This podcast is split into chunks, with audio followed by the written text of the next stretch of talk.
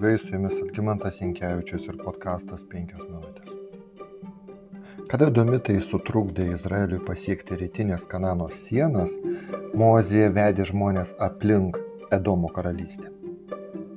Tai eilinį kartą sukėlė dar vieną žmonių nepasitenkinimo blyksnį. Skaičių 21 skyriuje skaitome. Nuo Horo kalno jie leidosi kelionę Nendrių jūros keliu, norėdami apeiti Edomo kraštą.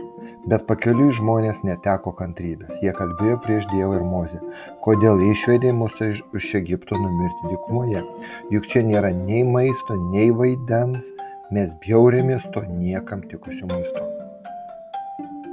Tai buvo tiesioginis priešimosi Dievui būdas.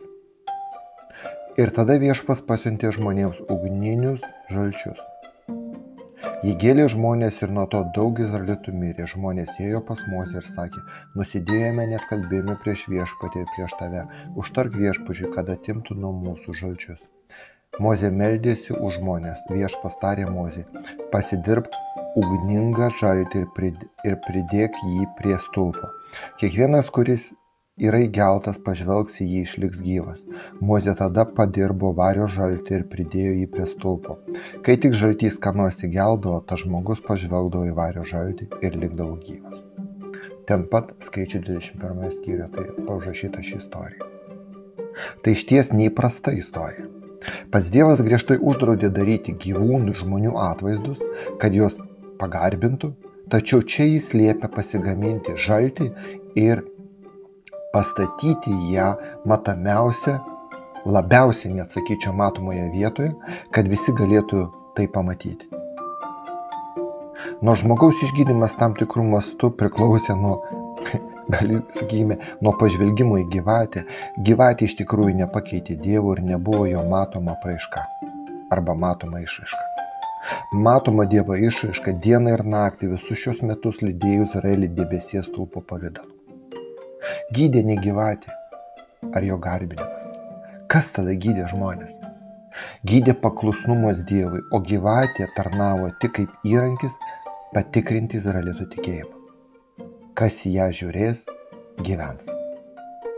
Galbūt yra paprasčiausias išbandymas, tačiau, kaip sakoma, statymai yra labai dideli - gyvybė arba mirtis. Jums nereikia nieko daryti, jums nereikia sudėtingų procedūrų, sudėtingų procesų, keliavimo kažkur tai, kažkokių darbų gerų atlikimas. Jums reikia tik vieno žvilgsnio.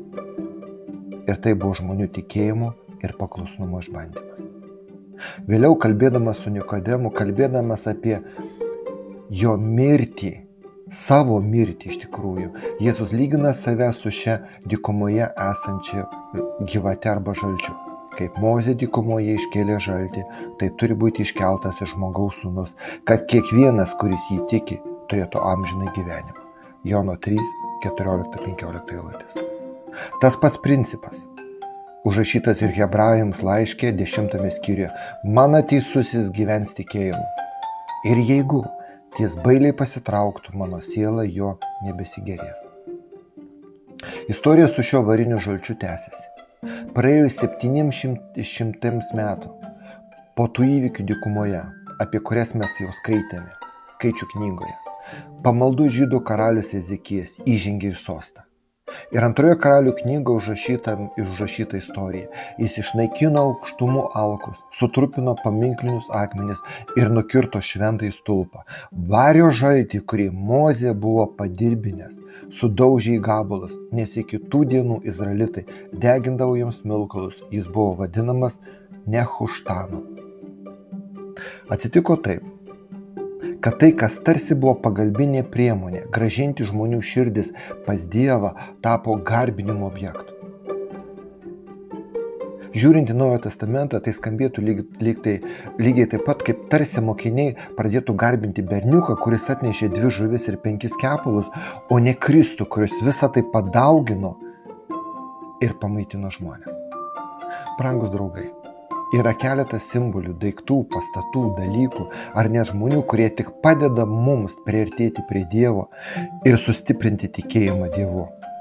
Tačiau jų neturime sudėvinti, ir kad jie taptų mūsų garbinimo objektais. Taip, taip, simboliai, daiktai, pastatai ar net žmonės. Tegul viešpats jūs laimina ir nepamirškime, kad Jėzus Kristus yra vienintelis kelias į amžinai gyvenimą, jis vienas vertas garbinimo.